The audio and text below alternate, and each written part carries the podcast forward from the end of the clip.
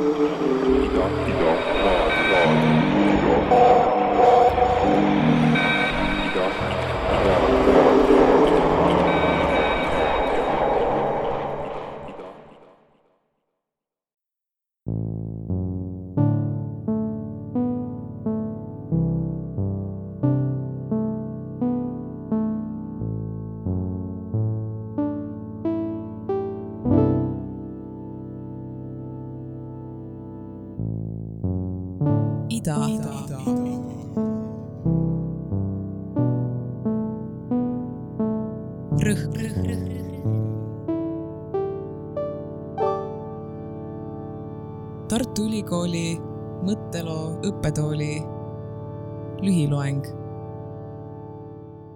alustan ühe fiktiivse uudisega tuhande üheksasaja üheksakümne neljanda aasta välisajakirjandusest, mis iseloomustab Eestit nõnda Eesti NSV-st on lõpuks saanud esimene vabamajandustsoon Nõukogude Liidus. Lääne firmad on huvitatud Eesti asendist ning sarnaselt Hiinale tekivad siia lääne suurfirmade tehased, aktsiaseltsid, börs, maailma nimega pankade filiaalid. Eesti NSV-st on saanud Nõukogude Liidu Hongkong. Eesti on rahanduskeskus lääne ja idaturgude vahel. Tallinn on vabasadam. siin on oma konverteeritav valuuta siinne majandusareng on kõrge ja inimeste elatustase tõuseb mühinal. Eesti töölised on paljude ettevõtete kaasomanikud. Eesti majandusime on saanud teoks tänu koostööle president Gorbatšoviga, kes on mõistnud Hiina reformide olulisust ja avanud riigi maailmaturule. uudise lõpp. see on veidi liialdatud edasiarendus ühest tulevikustsenaariumist mille pakkus tuhande üheksasaja kaheksakümne kaheksanda aasta sügisel välja Eesti majandusteadlane Arno Köörna, kes pärast seda, kui ta oli külastanud Hiina erimajandustsooni Pekingi lähedal, kirjutas Eesti Ülemnõukogule eraldi seaduseelnõu projekti. sellise alternatiivse tulevikupildi kirjeldus, mis kõlab meie jaoks täna üsna düstoopselt, oli tuhande üheksasaja kaheksakümne kaheksanda aasta alguses eestlastele mitte ainult vastuvõetav, vaid lausa ihaldatav tulevik täna me teame, et see nõnda ei läinud ning et Eesti võttis tuhande üheksasaja üheksakümnendal aastal selge suuna iseseisva riigi loomisele. Köörna stsenaarium, mida ta visioneerib kaheksakümne kaheksanda aasta sügisel, näitab aga, mida on taasiseseisvumisperioodi puhul paljuski unustatud.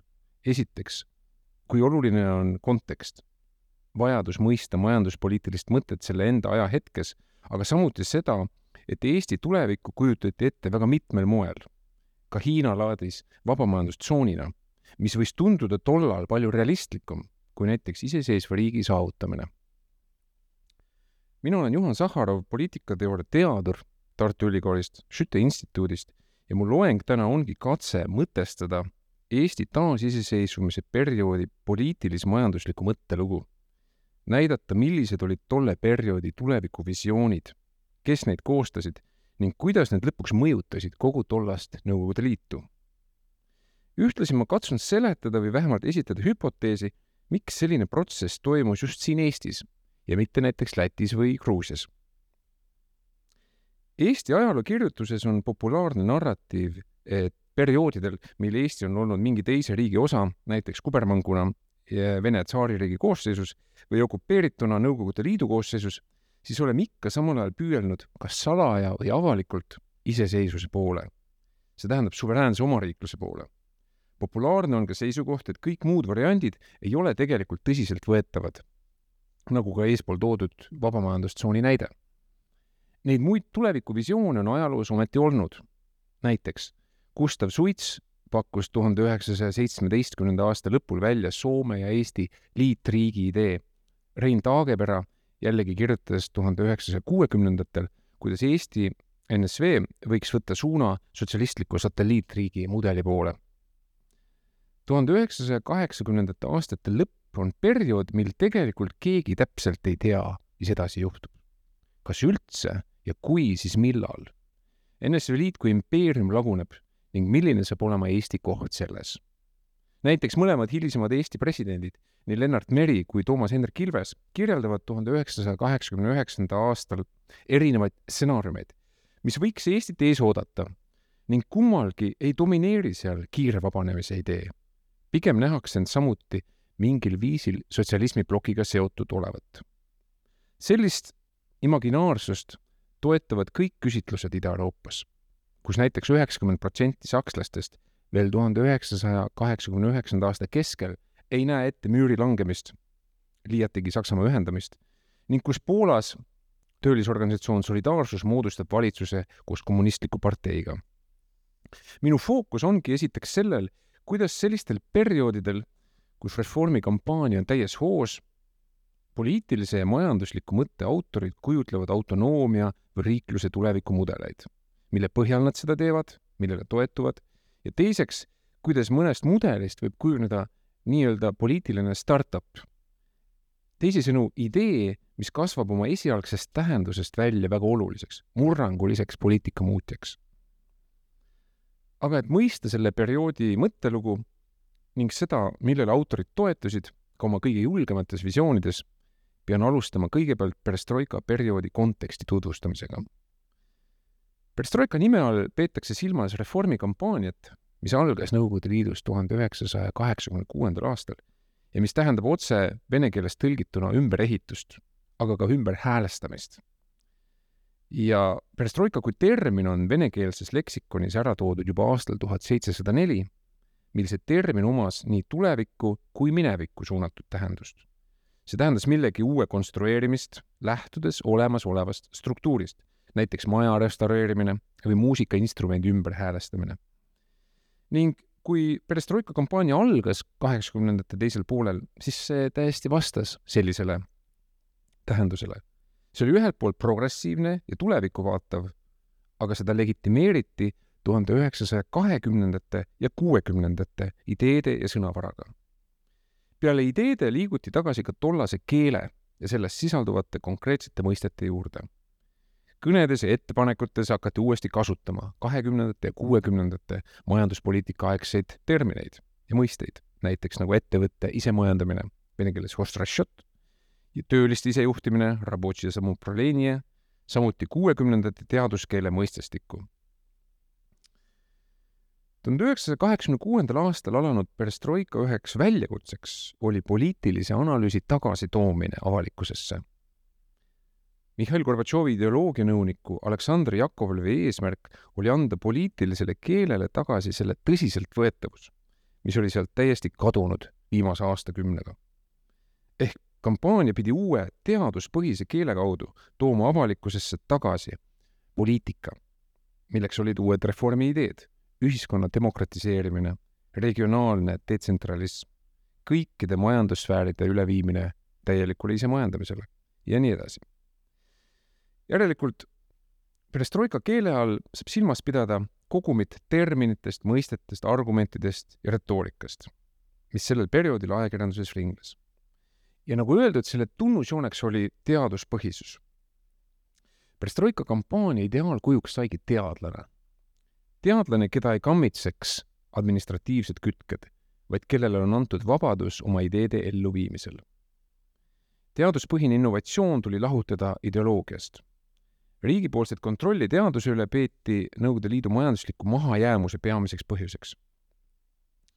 aga muutus varasemaga oli see, et perestroika kampaaniameistritel tekkis sellega lausa kohustus avaldada ajalehtedes, ajakirjades ebatraditsioonilisi lahendusi teaduspõhist kriitikat bürokraatliku juhtimise vastu, eksperimente, mis muudaksid erinevaid majandusharusid riigis ja nii edasi.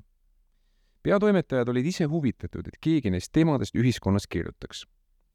aga selle tulemusena ei olnud mitte Eesti Kommunistliku Partei juhid, vaid hoopis Eesti majandusteadlased need, kes kontrollisid poliitilist agendat, hõivasid avaliku keele ning mis kõige olulisem, radikaliseerisid Nõukogude diskursuses olevad mõisted isemajandamine ja suveräänsus, mille kaudu loodi vabariigile uued tulevikumudelid.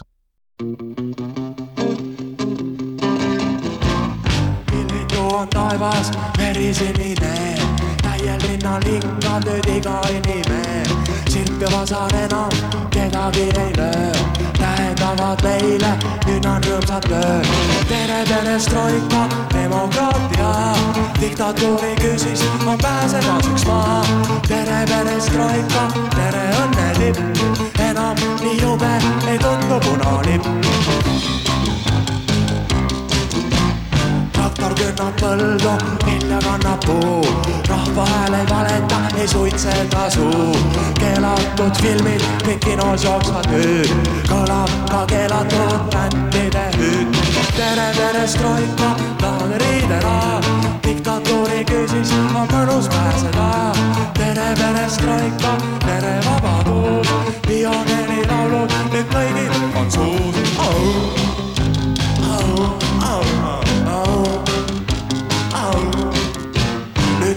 miilitsamunder ei aja äkki maa, hõbedaseks nimetada teda lausa saab. miilits ja punkar sõbralikult näe, ulatavad teine teisele käe. tere, perestroika, kaadriidera, sinule ja minule maa, on igal aastal juubel, suur vinaluu, juubeldab rahvas, juhhei, au,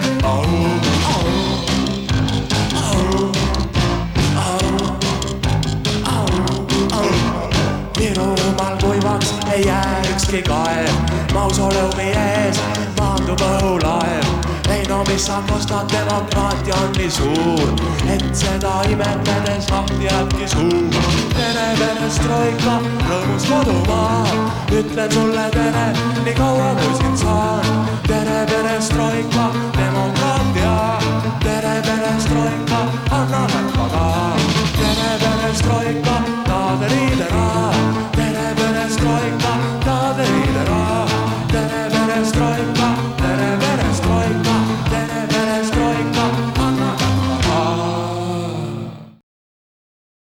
enne kui me läheme isemajandamise mõiste tutvustamise juurde ja kuidas seda uuendati Eestis, pean rääkima ühest konkursist, mis oli väga oluline kontekst isemajandava Eesti kontekstis. debatt tekkis. ja tegu on tulevikustsenaariumite konkursiga. tuhande üheksasaja kaheksakümne seitsmenda aasta mais kuulutas Eesti NSV plaanikomitee perspektiivplaneerimise osakond, mille juhatajaks oli tollel ajal Edgar Savisaar, välja ametliku nimetusega rahvamajanduse arengustsenaariumite konkursiga. see oli esimene taoline stsenaariumikonkurss Nõukogude Liidus, kus kutsuti kogu teadusavalikkust, kõiki vabariigi teadlasi üles esitama visioone äh, Eesti NSV majandusuuendusteks. Erik Terki poolt koostatud konkursi juhendist loeme konkursi eesmärgiks on saada originaalseid, teaduslikult põhjendatud alternatiivseid tulevikustsenaariumeid, mis koosneksid selgetest ideedest struktuurseteks muutusteks ja majanduslikeks uuendusteks meie vabariigis. tuleb juurutada uusi tehnilisi meetodeid, mis vastaksid moodsa aja nõuetele ja luua interdistsiplinaarseid ekspertgruppe teadlastest erinevatest valdkondadest. konkursist osavõtt oli üllatavalt suur registreerus ligi sada tiimi, sealhulgas üksikteadlased, kellest sõelale jäi lõpuks paarkümmend, kuna nõuded tiimidele stsenaariumimeetodi rakendamiseks olid kõrged. esitatud stsenaariumid puudutasid nii Eesti väliskaubandust, kooliharidust, teenindust kui ka teisi valdkondi ning ulatusid oma prognoosidega tuhande üheksasaja üheksakümne kaheksanda aastani. lõpuks auhinnati kokku kuute stsenaariumitööd, mille ideed pidid osakonna juhataja Savisaare kinnitusel minema arutlusele plaanikomiteesse ja ministrite nõukokku. selline konkurss ei olnud tegelikult pikemas ajaloos ainulaadne. teadlase osavõtt riigi või rahvuse tulevikuvisioonide läbimõtlemises, läbimängimises hakkab pihta juba valgustuse ajal. ja see tugevneb valgustusaegse mõttega kaheksateistkümnendal sajandil, et teadlased ja haritlased peaksid olema kaasatud uue valitsemiskorralduse läbimõtlemisse toon lihtsalt ühe näite. kaheksateistkümnenda sajandi lõpul, kui Napoleon vallutab suure osa Põhja-Itaaliast, kuulutatakse Lombardias välja samuti esseekonkurss teemal, missugune vaba valitsus oleks Itaaliale suurimaks hüvanguks, millest kutsutakse osa võtma kõik Itaalia teadlased, haritlased põhjast lõunani ja kus pakutakse kõige erinevamaid lahendusi, alates ühtsest ja jagamatust Itaaliast kuni liitriigini Prantsusmaaga. konkursi võidutöö autoriks oli Melchiorre Gioia, majandusteadlane, kes töötab välja uue Põhja-Itaalia vabariigi idee, samal ajal jäädes elu lõpuni ka majandusteadlaseks. nii et kaheksateistkümnenda sajandi valgustuse ja Nõukogude perestroika vahel on vähemalt üks joon. see toob poliitikasse teadlased, teeb ettepaneku neile osaleda läbi oma esseede, programmide, ettepanekute. ja selle tulemus on see, et teadlastest saavad poliitikud. kuidas seletada sellise meetodi ilmumist kaheksakümne seitsmendal aastal Eesti avalikkusesse, täpsemalt öeldes teadusavalikkusesse? tuletagem meelde, et kaheksakümne seitsmes aasta on, perestroika on alanud, aga kogu keel, kogu avalikkus on, kogu mõistestik on ikkagi kinni sellises spetsiifilises perestroika mm, keeles, kus ringlevad teadusmõisted ja, ja selliseks infrastruktuuriks, millele teadlased toetuvad, ongi omaenda erialad. nii et võib äh, üldistavalt öelda, et teadlased astuvad poliitikasse läbi omaenda erialakeelte. oleneb sellest, millises äh, valdkonnas teadlane töötab, ta toob kaasa sinna oma mõistestikku omad meetodid. kuidas nüüd seletada selle stsenaariumi meetodi ilmumist Eesti avalikkusesse kaheksakümne seitsmendal aastal? Võib öelda, et kuigi stsenaariumitega tegeleti tollal mingil määral ka Eesti Majandusjuhtide Instituudis, siis Savisaare varasemat teaduskarjääri arvestades saab üsna kindlalt väita, et tulevikustsenaariumi mõiste ei jõudnud ENSV plaanikomiteesse mitte juhtimisteaduse, vaid hoopis ühe teise valdkonna kaudu. selleks on globaaluuringud, millega Savisaar oli seotud juba seitsmekümnendate lõpul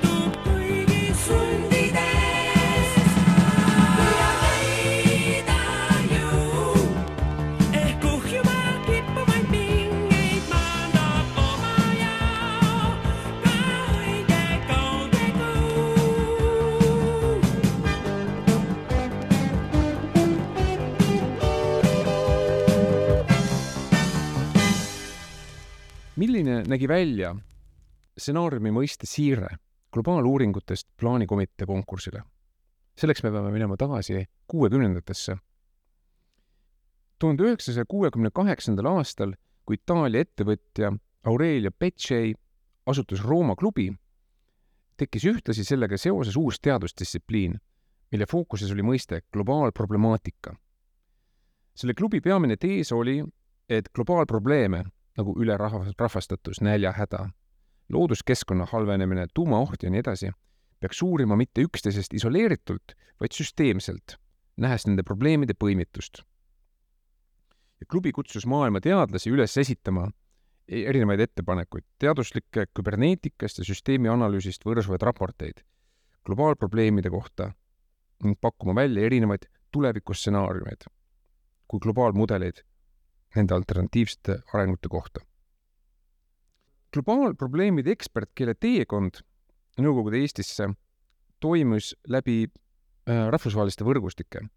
nimelt, kui tuhande üheksasaja seitsmekümne kuuendal aastal asutati Moskvas üleliiduline süsteemianalüüsi instituut, siis sellest sai kiiresti omakorda ülemaailmse süsteemanalüüsi instituudi partner, kus tegi teadustööd ka Eesti teadusfilosoof kes töötas pikalt ka Tartus, ja globaalmodelleerija Lembit Valt, sünniaasta tuhat üheksasada kolmkümmend neli ja ta suri kaks tuhat kaheksa. globaalproblemaatika rändas Nõukogude maailmamajanduse teooriasse just läbi modelleerijate kirjatööde. ühesõnaga, stsenaarium kui mõiste ja meetod jõudis Nõukogude majandusse läbi just nimelt nende globaalprobleemide mõtestamise. ja see jõuab väga kõrgele see mõistestik jõuab äh, NLKP mm, ehk siis Nõukogude Liidu Kommunistliku Partei kõige kõrgematele istungjärkudele kaheksakümne viiendal, kaheksakümne kuuendal aastal ja nüüd on huvitav see, et äh, sellest räägivad nii Gorbatšov kui Jakovlev ja need Jakovlevi ja Gorbatšovi huvid ühtivad selles osas Edgar Savisaarega. nimelt Lembit Valti juhendamisel kaitses Savisaar Moskva ülikoolis tuhande üheksasaja kaheksakümnendal aastal kandidaaditöö Rooma klubi sotsiaalfilosoofilistest alustest ja kirjutasid kahasse ka raamatu Globaalprobleemid ja tulevikustsenaariumid. mis aga juhtus kaheksakümne viiendal aastal, oli see, et Savisaar sai plaanikomitee ühe osakonna direktoriks ja just nimelt seal lõpuks stsenaariumi mõiste jõuabki Eesti majanduskeelde ja toimub siis kaheksakümne seitsmendal aastal just nimelt selle osakonna juhtimisel äh, konkurss nii et mõiste, mis oli pärit tegelikult Rooma klubi raportitest, tuleviku-uuringute pärusmaast, jõuab kaheksakümne seitsmenda aasta kevadel meie enda plaanikomitee kohaliku otsustusprotsessi tasandile. nii et võib öelda, et mitte kusagil Nõukogude Liidus ega teistes sotsialismimaades sellist meetodit ei, seda saab öelda küll tagantjärgi, ei rakendatud edukamalt poliitikasse kui Eesti NSV-s. kuidas see on nüüd seotud järgnevate sündmustega? Nimelt see stsenaariumi konkurss saab selliseks platvormiks Eestis isemajandamise ettepaneku ajurünnakule. et augustis kaheksakümmend seitse kutsub Savisaar kokku umbes kümnest majandusteadlasest, sotsiaalteadlasest koosneva grupi, et arutada nendega edasi stsenaariumivõistluse vaimus välja mõelda selline radikaalne majandus mudel Eestile. ja huvitav on see, et tegelikult Eesti ei ole Ida-Euroopas ainuke riik, kus ähm, selline nii-öelda teekond, kuidas ühest osakonna juhatajast saab lõpuks riigi tähtsaim poliitik läbi stsenaariumi meetodi, see toimub täpselt samamoodi Tšehhoslovakkias. ja ma räägin siin vahele ka selle Tšehhoslovakkia loo ära.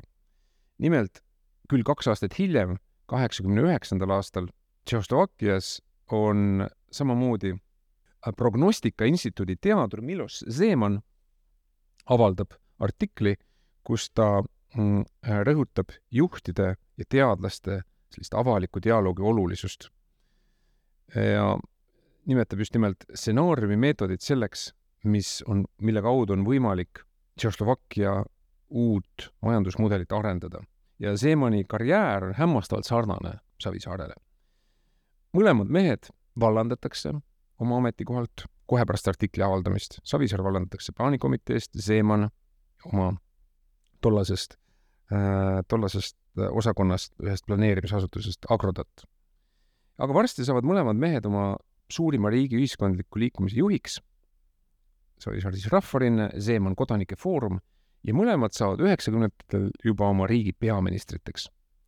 nii et see näitab, kuidas Ida-Euroopas üks selline sarnane muster teadlased tulevad poliitikasse läbi omaenda erialakeelte. milles siis äh, stsenaariumikonkursi või kuidas stsenaariumikonkurss panustab edasi äh, isemajandamise ettepanekule?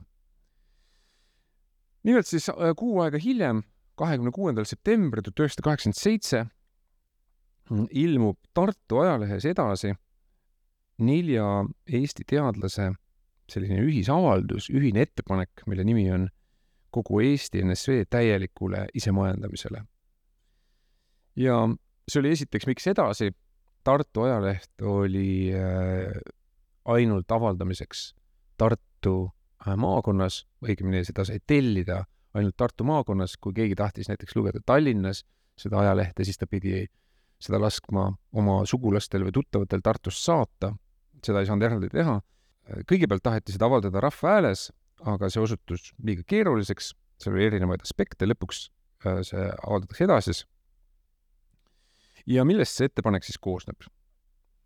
esiteks äh, tuuakse välja see, et väga sellises perestroika keele vaimus, et äh, meil on vaja, meie ühiskond vajab radikaalseid ümberkorraldusi, meil on olemas juba erinevad eeskujud sotsialistlikus plokis Hiina, Ungari, Bulgaaria. viidatakse Gorbatšovi nõunike kirjutistele ja mis on siis sellised äh, pakutavad reformid või pakutavad ideed. no üks idee on muuta ettevõtlust. et ettevõtted muudaks, muutuksid aktsiaseltsideks ja see oli loomulikult tollel ajal väga radikaalne siis see, et kogu eelarve maksustamine oleks ainult äh, Eesti enda äh, kontrolli all, samuti väga radikaalne. ja lõpuks pakutakse välja ka võib-olla kõige ulmelisem asi, et Eestil oleks oma raha. kaheksakümne seitsmenda aasta sügisel, seda võib nimetada tõepoolest selliseks utoopiliseks ettepanekuks ja võrreldes nüüd selle varasema plaaniga, mille ma lugesin ette loengu alguses vabamajandustsoon, siis üks äh, vabamajandustsoonid olid tollel ajal äh, Hiinas ligi no viis aastat juba ringelnud, kestnud ja eks neid katsuti, katsuti eeskujuna, eeskujuna tuua nii, nii täiesti siiralt kui ka, äh, kui ka sellises propagandavõtmes, teadmata, kas me, kas Eesti on üldse võimeline ja, ja, ja tahab sinnamaani jõuda millega on nüüd tegu, tegu isemajandamise ettepanekut saab pidada tõepoolest võib-olla selliseks kasulikuks utoopiaks. et Siim Kallas on hiljem oma intervjuus maininud, et me teadsime muidugi, et see on utoopia, aga see oli väga kasulik. oli, väga kasulik oli, nagu ta kasutas seda mõistet, kogu aeg kütta seda ahju, suheldes Moskvaga, et saada endale suuremaid nõudmisi või välja võidelda suuremaid õigusi, majanduslikke õigusi siis kogu vabariigile ja mida see ettepanek teeb? Mm, alates oktoobrist kaheksakümmend seitse kuni kaheksakümne kaheksanda aasta lõpuni, see oli ka üks ettepaneku selline punkt, et tuleb kaasata kõik teadlased.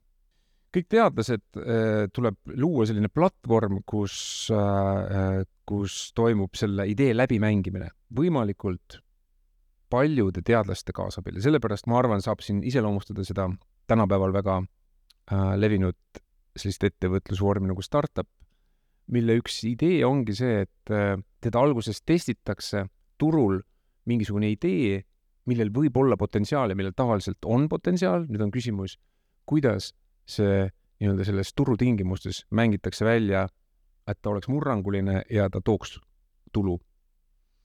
Ja kui vaadata seda mm, keelt, millega isemajandamise ettepanekust räägitakse, siis see on üsna sarnane sellele. näiteks Marju Lauristin ütleb peatselt kaheksakümne kaheksanda aasta alguses, et et see, millega me siin tegeleme, on tegelikult uudse mudeli väljamõtlemine, millest võiks olla kasu kõikidel teistel liiduvabariikidel. nii et see äh, isemajandava Eesti seltskond saab kiiresti aru, kui originaalne ja kui potentsiaalikas see idee on ja miks see on potentsiaalikas, on muidugi see, et Moskva tegelikult on huvitatud vabamajandustsoonidest ja sellistest uudsetest ideedest. tõsi, nagu ma ütlesin, selle sidumine kogu vabariigiga oli ilmselgelt üle piiri minek ja midagi sellist hereetilist, millega kindlasti ükski äh, kõrgem ametnik või poliitik ei oleks, kui nad oleksid teadnud, mis selles ettepanekus äh, öeldakse, nad oleksid sellele kindlasti pannud nii-öelda veto peale ja see ei oleks jõudnud ajakirjandusse. ometi ajakirjandusse see jõudis ja mis tekkis, oli mõnes mõttes niisugune lumepalliefekt, et kogu tollane Eesti ajakirjandus kuskil aasta aega räägib ainult sellest samal ajal, nagu me, nagu, nagu ma mainisin, on tegu tõepoolest sellise utoopilise projektiga, kus sellised äh, natukene praktilisemad või realistlikumad inimesed ütlevad, et et kas te saate aru, et see on ikkagi võimatu, eks ole, suure impeeriumi nurgas teha, nagu nad, nagu te ütlesite, et äh, suure katla nurgas teha ise mingisugust teistsugust suppi. aga, aga mida aeg edasi siis seda suuremaks ja ühiskondlikumaks see majandusprojekt kasvab. ja see projekt hakkab tegelikult elama, et mitte öelda oma elu, siis vähemalt äh, ta hakkab muunduma palju radikaalsemaks, suuremaks poliitiliseks projektiks. ja no alguses sellega tegeldakse ainult keele tasandil, nii-öelda diskursiivselt. noh, näiteks esimesed, kes ütlevad, et tegu on millegi suurema kui ainult majandusideega on sotsiaalteadlased, Eesti sotsioloogid.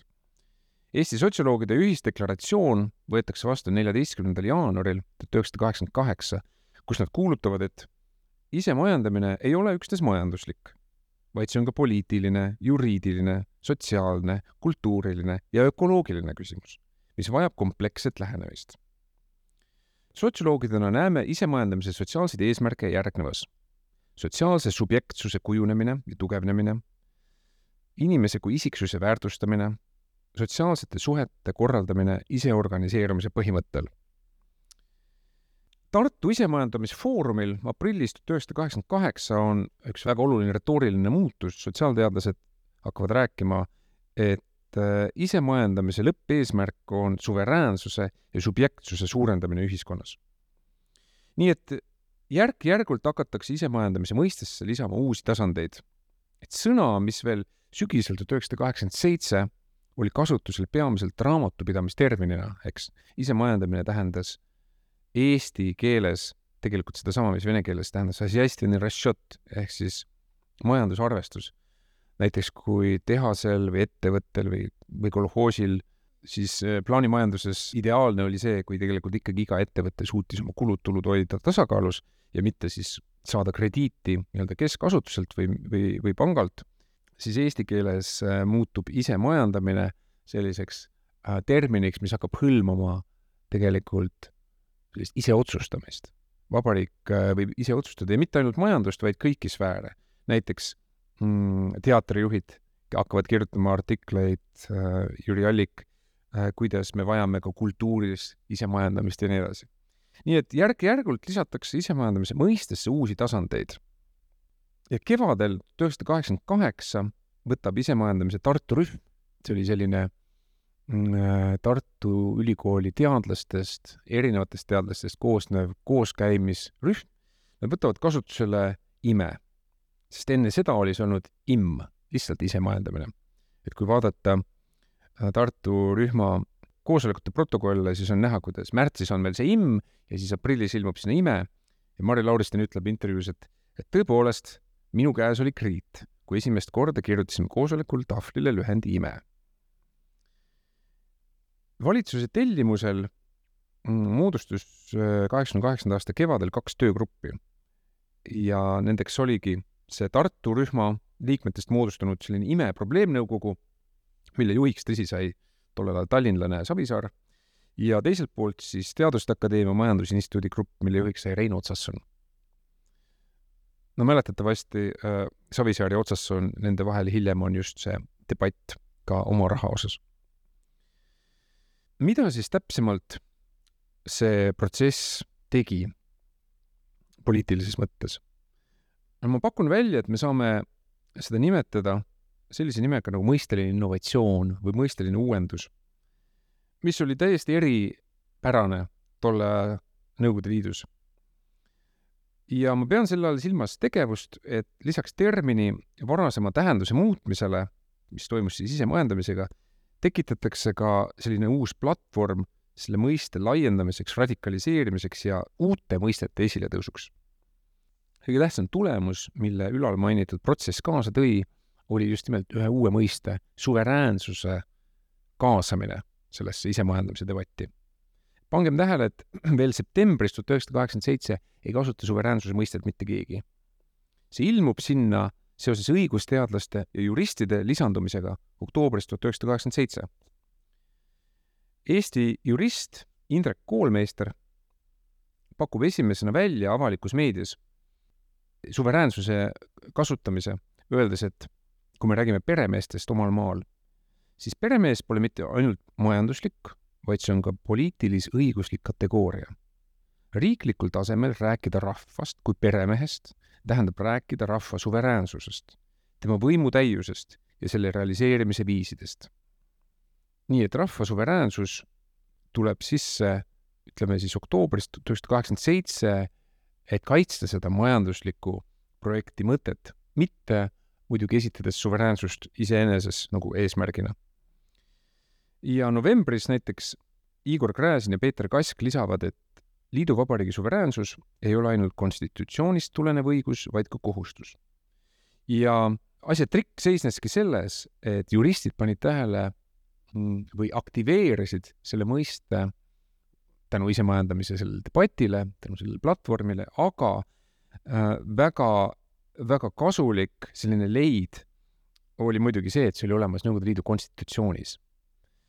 nimelt äh, seitsmekümne seitsmenda aasta konstitutsioon sätestas, et iga liiduvabariik on suveräänne.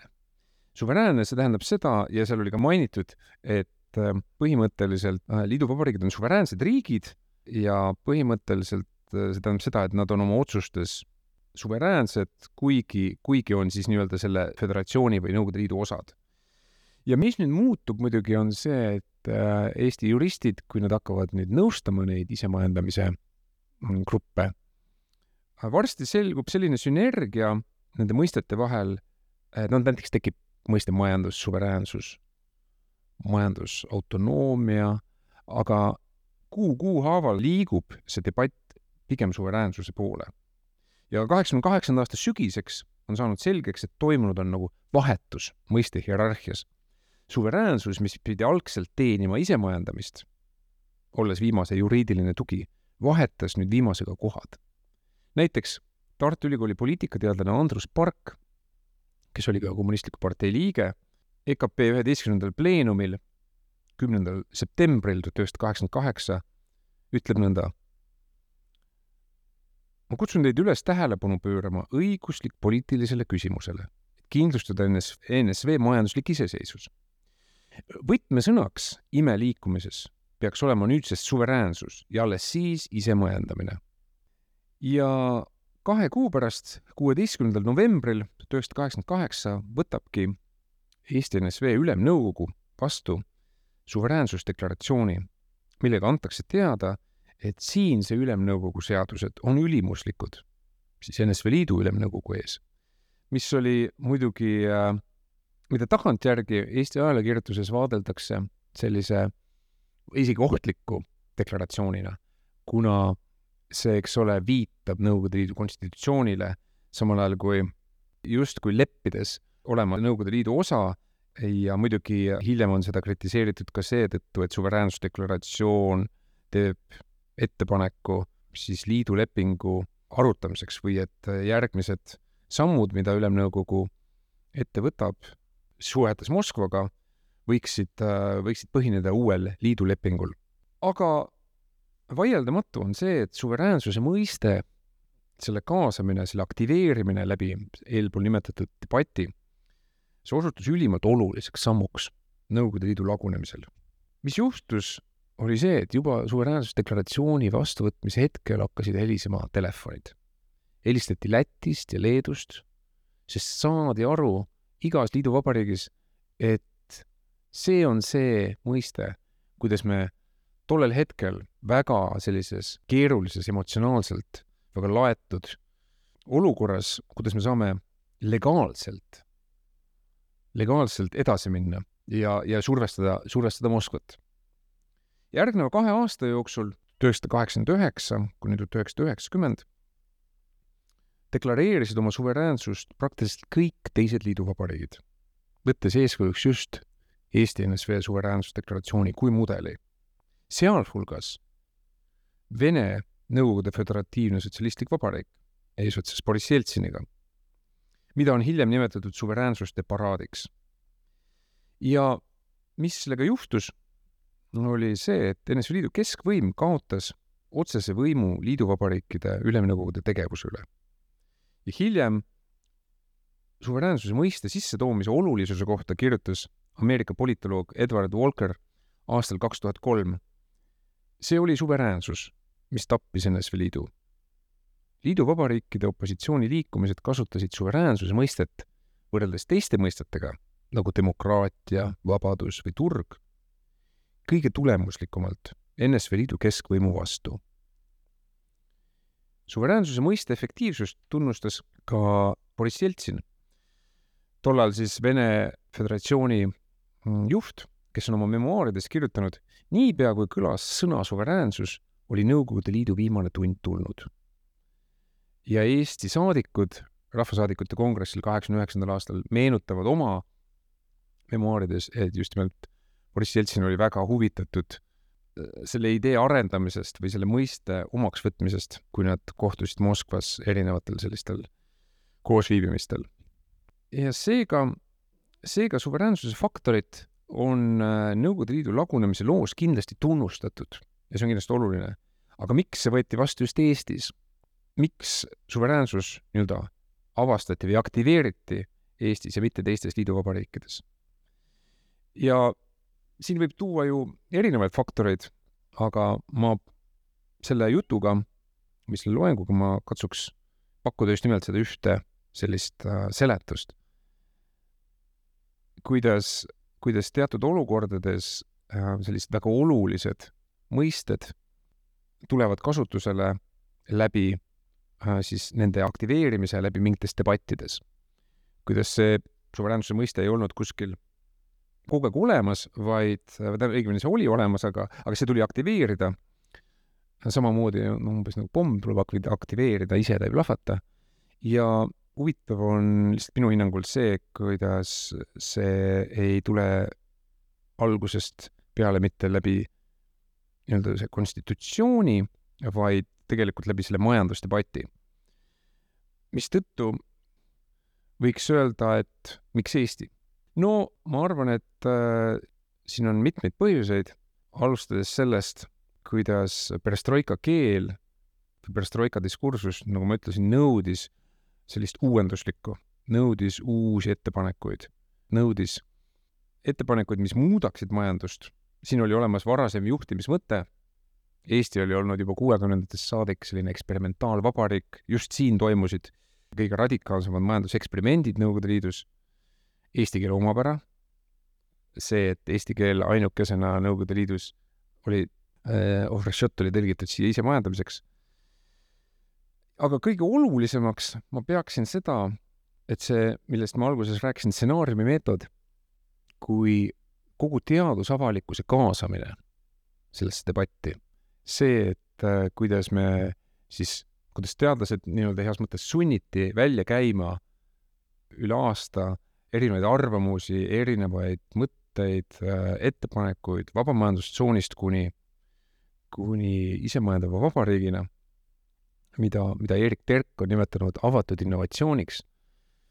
ehk siis avatud innovatsioon, eks ole, majanduses on siis selline innovatsiooniliik, kus kaasatakse võimalikult suur avalikkus mitte ainult ettevõtte enda töötajad, mis oleks siis nii-öelda see suletud innovatsioon, just läbi selle avatud innovatsiooni teadlaste kaasamise, mida ei toimu sellisel kujul kuskil mujal Nõukogude Liidus.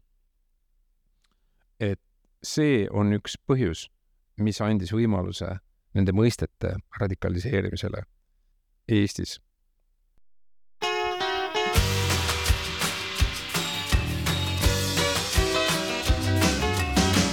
Shyness is nice and shyness can stop you from doing all the things in life you'd like to. Shyness is nice and shyness can stop you. In life you'd like to. So if there's something you'd like to try, if there's something you'd like to try, ask me, I won't say no, how could I? Coyness is nice and coyness can stop you from saying all the things in life you'd like to. So if there's something you'd like to try, something you'd like to try, ask me, I won't say no, how could I? Spending warm summer days indoors, writing frightening verse to a buck-toothed girl in Luxembourg.